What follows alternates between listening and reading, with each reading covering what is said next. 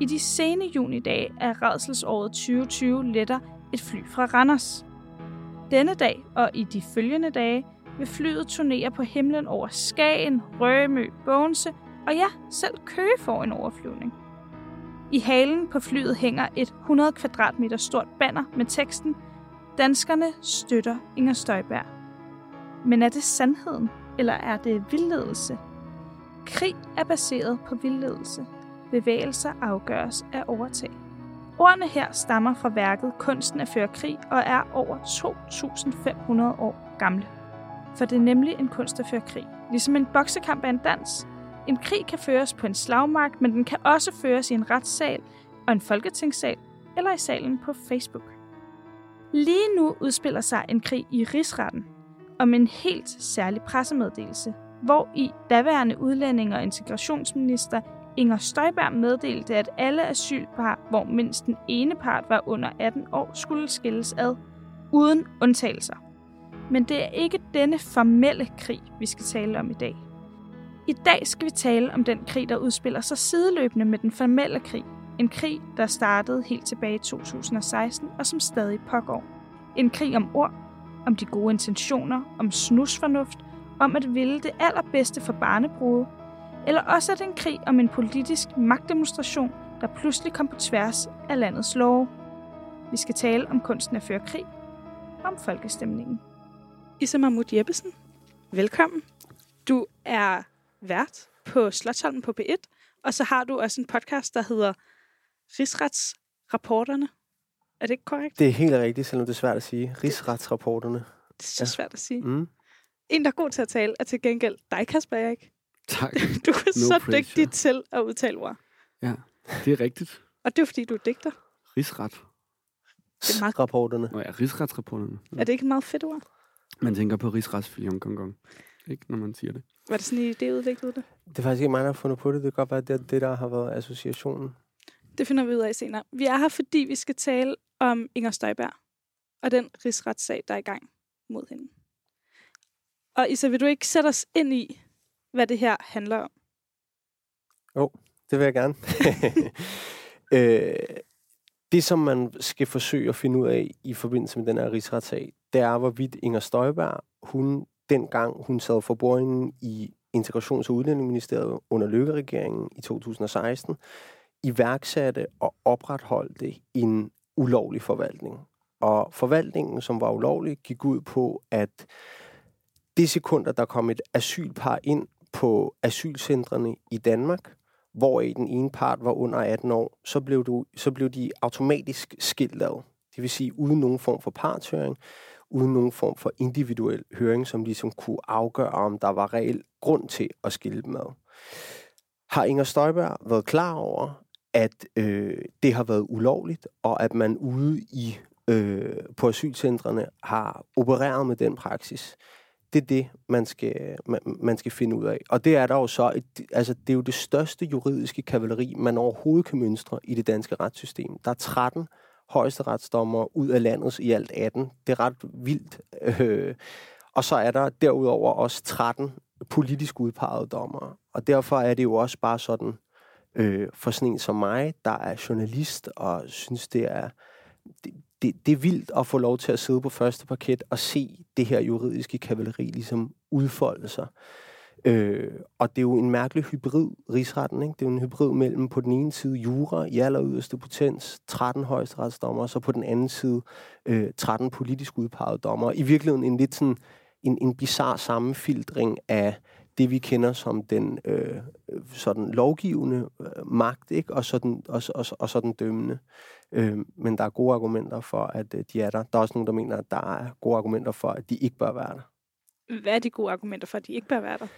De gode argumenter for, at de politisk udpegede dommer ikke bør være der, er, at øh, man jo på forhånd øh, har en eller anden form for politisk slagside. Så det vil sige, der er for eksempel en af rigsretsdommerne i øh, retssagen, øh, som har udtalt, at han vurderer, at det er en kalkunjagt øh, mod Inger Støjberg, det at man har valgt at indlede en rigsretssag øh, mod hende.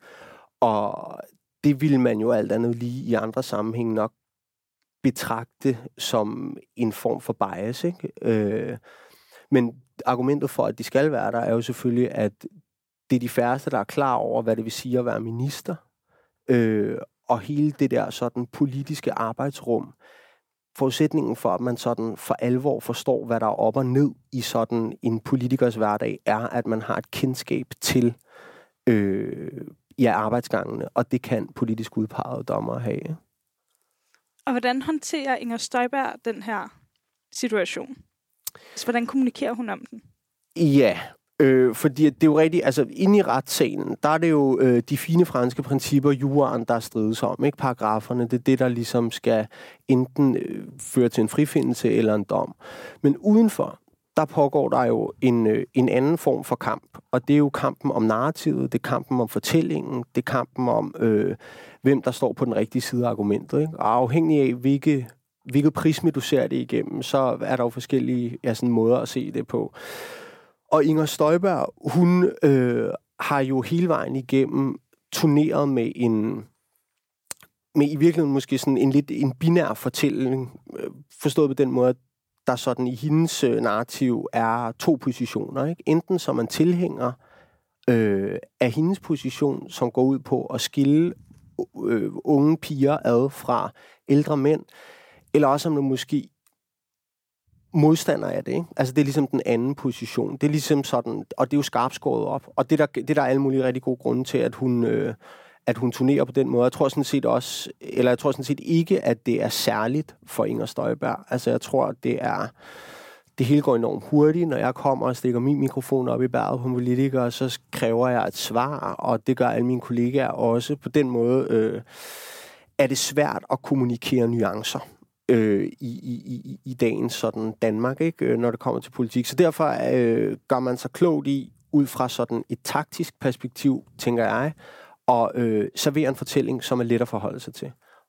Og det vil jeg også vurdere, at Inger Støjberg jo øh, naturligvis har gjort i denne her sag, hvor altså det handler om for hende, øh, om man er tilhænger eller modstander af det, hun selv kalder for barnebrud. Hvad tænker du om den måde, hun kommunikerer på, Kasper? Mm, jamen, jeg synes, at det er godt set. Det med, altså det med, at det også har noget at gøre med situationen, hvor man får stukket mikrofon op i ansigtet, eller sådan, måske også i den forstand, eller bare sådan, hvordan kommunikerer man for overhovedet at få stukket mikrofon op i ansigtet?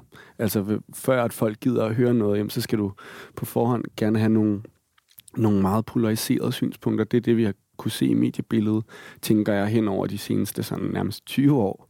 Ikke? Altså, øh, det er det, folk snakker om, når de snakker om sådan Trump-effekten og sådan noget. Ikke? Altså, at, øh, og, og også bare det, som, som vi ser på Twitter, altså at øh, når der har været de her undersøgelser, jeg tænker også, det er, sådan, det er twitterificeringen af, af journal, journalist verdenen på en måde. Altså at øh, mere højorienterede radikale øh, synspunkter, de, de bliver spredt mere på Twitter, og det samme gælder, når man sidder på YouTube, hvis man laver den der live, hvor man bare bliver mere tryg på sådan, de videoer, den foreslår, så vil du ind i noget mere og mere ekstremt. Ikke? Altså, så er der også sådan, der er noget algoritmisk på spil, mm. som, som favoriserer folk som Inger Støjberg, og måske øh, også på en eller anden måde understøtter noget, der allerede er i og får det til at få hende til at ligesom spille mere ind, end hun måske havde lyst til i den der form for sådan polarisering. Når det er sagt, så synes jeg også, at vi vælger øh, ledere, og vi har et repræsentativt demokrati, hvor vi det system, vi har, er, at jeg afgiver min magt til nogen, som jeg regner med skal være bedre end mig. Øh, og det, det er noget andet, jeg tænker på. Men nu har jeg glemt, hvad du starter med at spørge om. Men altså, jeg synes, at, at i det, Isa siger, der er også en eller anden idé om, jamen, vi, vi de, de sådan, politikerne kommunikerer øh, til befolkningen på en måde, hvor man, det er det, man regner med, befolkningen gerne vil høre. Og, og det var ligesom første skridt. Og det er på en eller anden måde, det, for mig, det Støjberg-sagen handler om, er det så bare politisk kommunikation, eller er det faktisk også sådan, at de også er begyndt at øh, udføre en, en lov, altså en praksis, ikke? Mm. Øh, en udøvende praksis, som også sådan, bare, ja, fuck de der principper, eller et eller andet. Det er jo på en eller anden måde det, der er på spil i den her øh, rigsretssag som er spændende. Ikke? Er der sådan noget i litteraturen, man kan se den her måde, som Inger Støjberg jo virkelig sådan tager ejerskab over sin egen fortælling? Den måde, hun ligesom taler om barnebrud på, men ikke ja, har så meget lyst til at tale om instrukser. Ja, det handler jo ikke om barnebrud. Altså, det har aldrig handlet om øh, barn, jamen også bare i ordet en barnebrud allerede sådan, hvad er det? Altså det er, det, folk tænker jo på øh, sådan nogle billeder af nogen på 12 år, der bliver giftet væk til ældre mænd i et eller andet. Altså noget, som ikke er det, det handler om.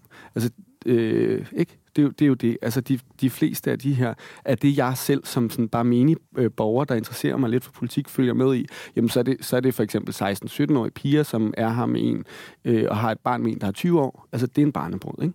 Så, og det ikke at sige det, at vælge ikke at kommunikere, det siger meget om den her sag, synes jeg. Men, men for mig så minder øh, det her, altså det, det var også sådan, det er ikke fordi, jeg har haft kort forberedelsestid, men det, der bare sådan automatisk sprang i øjnene for mig, det var George Orwell's 1984 og øh, Hunger Games. Hvorfor de to altså, bøger? Altså, øh, jamen fordi, at det er, det, det er også fordi, det, det er sådan vores øh, klichéagtige øh, bud på, når vi skal sige noget om bøger, der handler om, øh, at det er sprog, der bestemmer virkeligheden og at, øh, og at det er sprog, der på en eller anden måde er med til at forme sådan den politiske agenda, så er det de to bøger, man tænker på.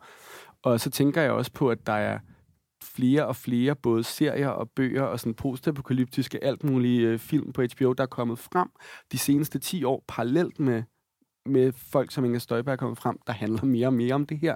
Og, og det gør de jo, fordi at øh, det er den sådan, øh, politiske, øh, kommunikative virkelighed, som de prøver at beskrive. Der er, der, der mere og mere handler om, hvem der kan få have bestemmelsesretten sådan, over narrativet. Ikke? Altså sådan suverænen, men, men i forhold til sprogets magt.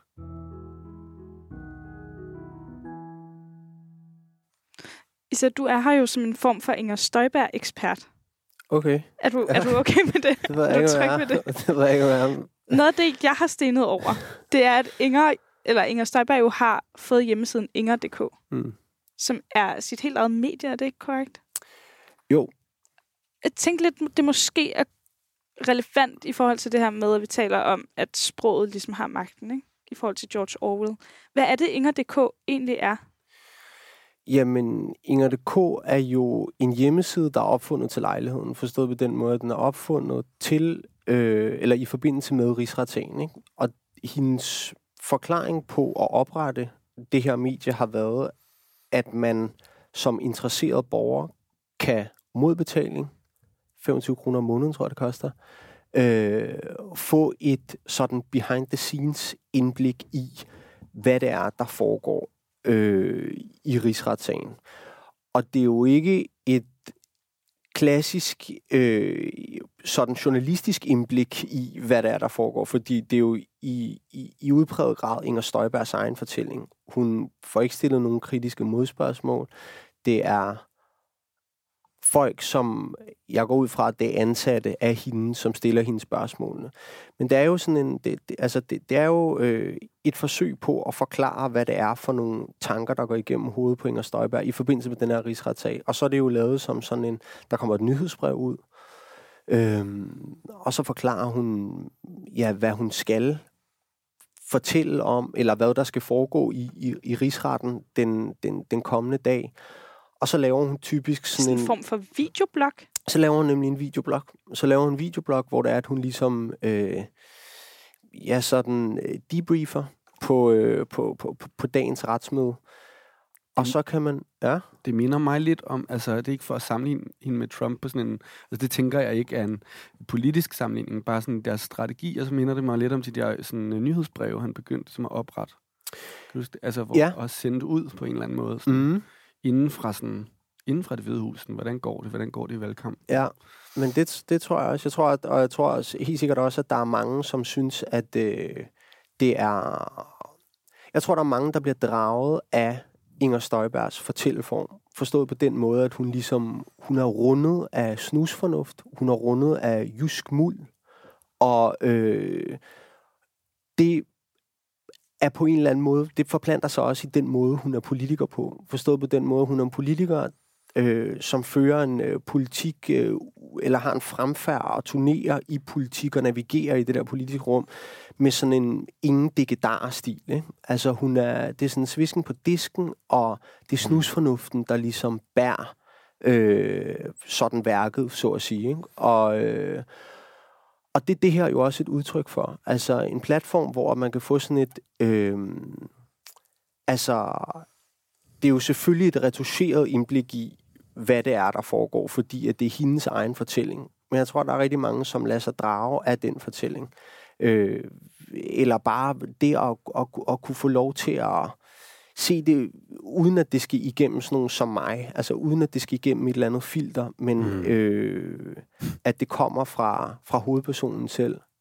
Øh, ja. Hun får mulighed for nærmest at gøre sig selv til en fiktionsfigur. Men det er jo det, vil. det her minder jo om sådan... Øh, altså alle de her begreber, altså hvis, det ikke, hvis man erstattede snusfornuft med sådan den ikke-elitære øh, autenticitet på en måde, ikke? så minder det her jo om måden, vi snakker om Knavsgaard på mm. han kom frem. Ikke? Eller sådan, sådan noget med, at det er, ligesom, det, det er litteratur til folket, og det er også det, det her blik bag om et eller andet, sådan bekendelseslyrikken er kommet tilbage. Det minder mig også lidt om ting, folk sagde om min første bog, da den kom frem, men sådan noget, du ved, sådan noget, det er no bullshit-agtigt, det er behind the scenes, det er ikke, ikke så meget sådan styr på formerne, vel, det, skulle, det handler sgu bare om at få sagt noget og få gjort noget og sådan noget. Øh, det, det, det, altså, jeg tror, inden vi mødtes, der havde jeg tænkt, der også er et eller andet med autofiktionen, der, der hænger sammen med det politiske landskab i dag, men på en eller anden måde, så tænker jeg også, det er sjovt, at de, de strategier, hun bruger, eller det med at oprette en personlig hjemmeside, var jo også sådan noget, alle digterne, da jeg begyndte at sådan skrive i 12, der alle skulle have en poetisk blog. Ikke? Fordi man skulle ligesom har du have... haft en poetisk blog? Ja, ja, jeg har haft 10 eller sådan noget. Ikke? Og det var sgu da sådan, jeg kom frem, fordi jeg var ikke bakket op af nogen institution, så alle fik ligesom poetiske blogs, og så kom man ligesom frem i mediebilledet, og så fik man en stemme alligevel. Altså sådan alternativ veje ind til magten, ikke? ind til jeg blev signet på Gyldendal, eller hvad man skal sige. Og det tænker jeg bare nu, det er der også, vi er også begyndt at høre mere og mere om det her med, i hvert fald historien om den alternative vej til at blive politiker, sådan noget, fra den jyske muld og sådan noget. Ikke? Mm. Øh, så kan man diskutere, når, okay, hvor meget, ligesom, hvad er den jyske muld, du kommer fra, eller sådan altså, øh, i forhold til at have haft et arbejde, eller komme til at, øh, det som har været med mange, og det handler ikke bare om Inger Støjberg, men det der med at komme til at lyve lidt på nogle eksamensbeviser og sådan noget, ikke? Øh, for eksempel.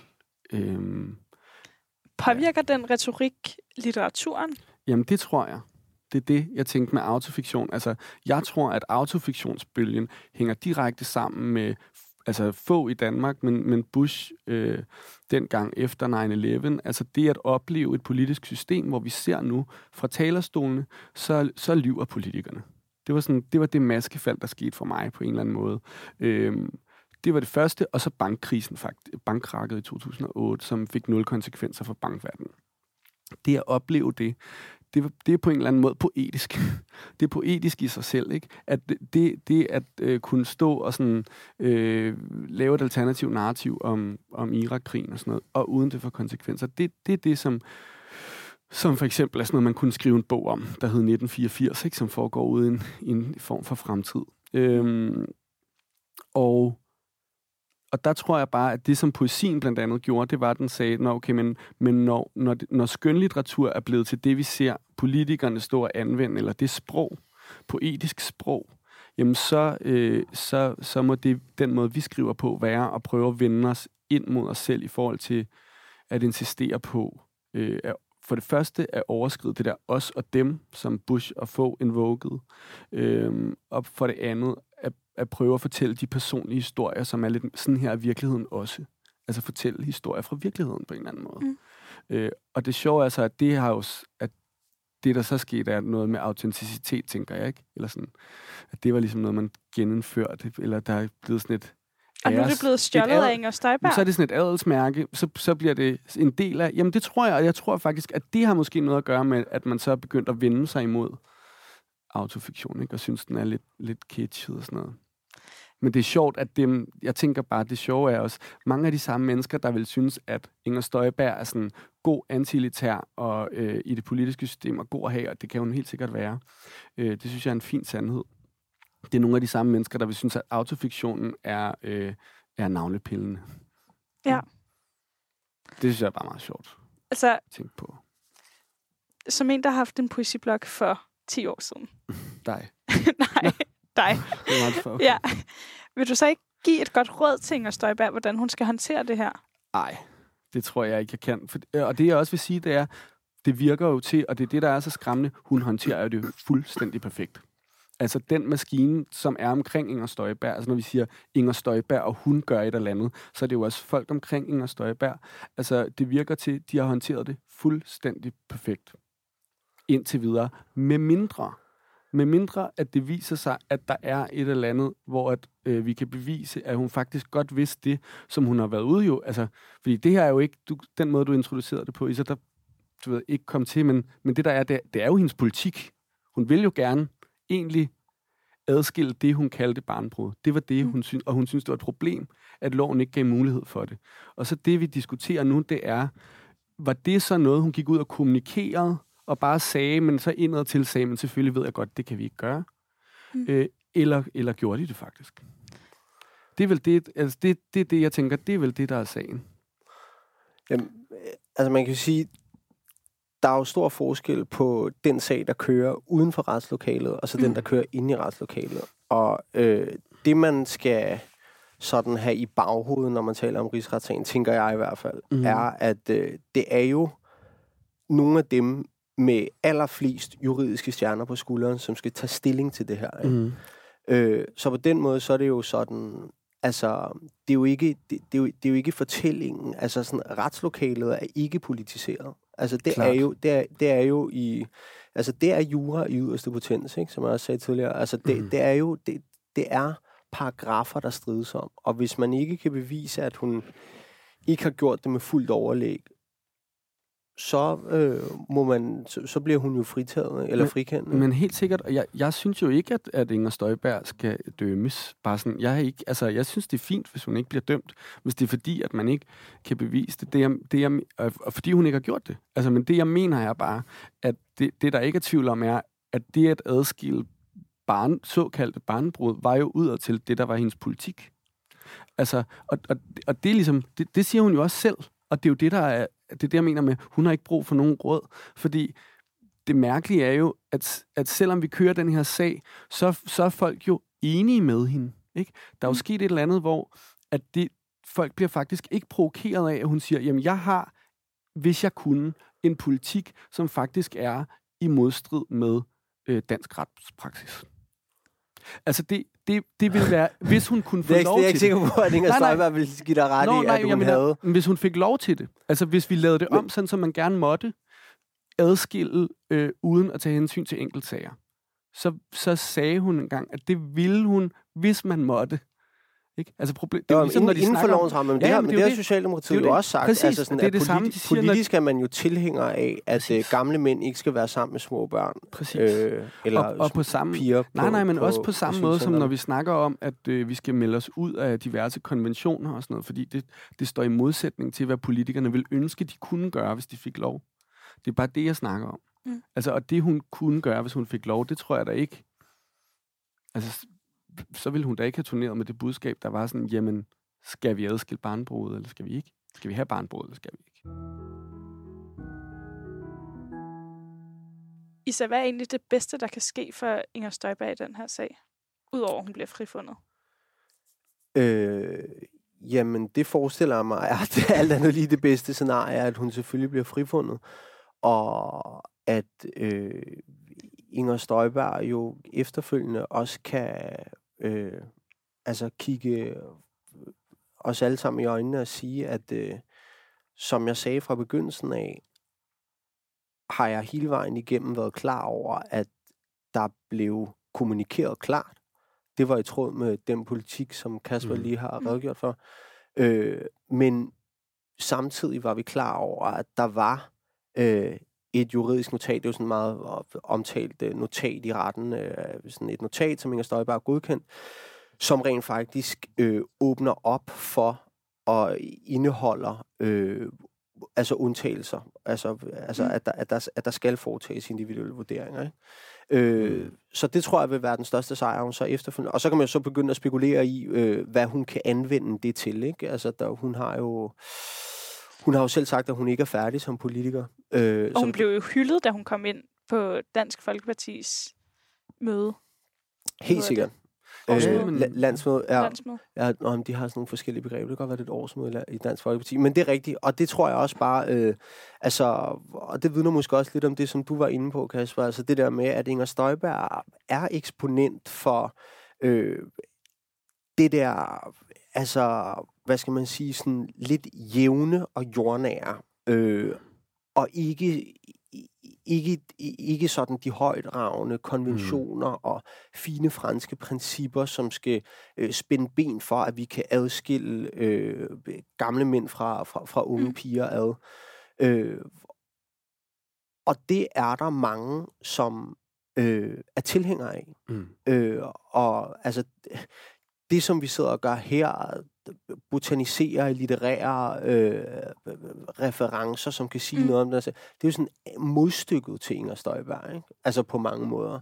Altså det er jo, sådan, det, det er jo på mange måder øh, et, altså, det, når man siger det, så ja. lyder det også lidt provokerende, ikke? Altså sådan, sidder og, og bladrer i litteratur og så sådan. Men det, og, og, og på den måde, så tror jeg, at det er jo måske i virkeligheden også noget, som, øh, ja, altså når det, eller det jeg vil sige, det er sådan set bare, at der er rigtig mange. Det handler ikke kun om Dansk Folkeparti. Det er også i et parti som konservativ. Når det er, at man nævner øh, sådan øh, mink og rigsretssag og, øh, og, og Støjberg og så videre, så har det en eller anden form for forbindelse øh, til det bagland der. Fordi folk simpelthen føler, at, øh, ja, at der er noget riveravne galt inde på de brune gulve på Christiansborg. Mm. Og nu skal et menneske som Inger Støjberg øh, betale prisen for det og en, som der måske i virkeligheden også, øh, i hvert fald af mange, som er støtter af Inger, Støj, Inger Støjberg, har betalt en exceptionelt høj pris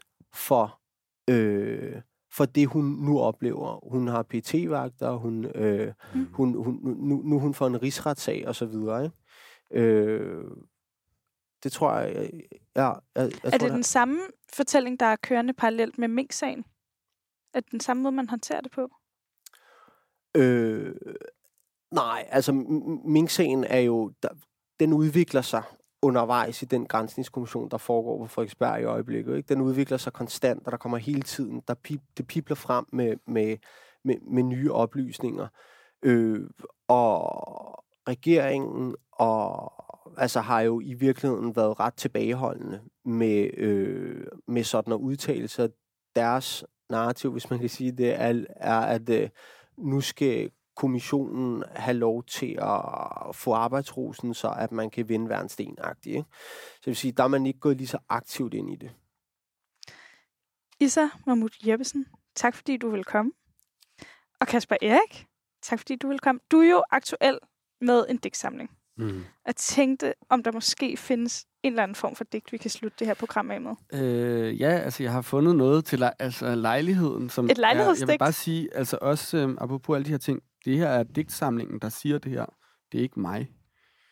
øhm, apropos. Og det er jo måske det, altså, som jeg tænker er forskellen på for eksempel mig som digter og Inger Støjberg, det er sådan, jeg tænker, digterne, vi prøver at være ærlige omkring, hvor meget vi lyver. Ikke? Og lige nu, for sådan mange i det politiske system, så handler det om at prøve at skjule, hvor meget de egentlig sådan også designer den virkelighed, vi får lov at se. Og det er måske, ja, men det vi prøver at gøre er tit det samme, det er bare sådan omvendt på en måde. Nå, jeg vil være en dårlig politiker, det er også bare det, jeg siger. Øh, her kommer to øh, små digte. I det mindste er uretfærdighederne åbenlyse nu. I det mindste er hyggeleriet åbenlyst nu.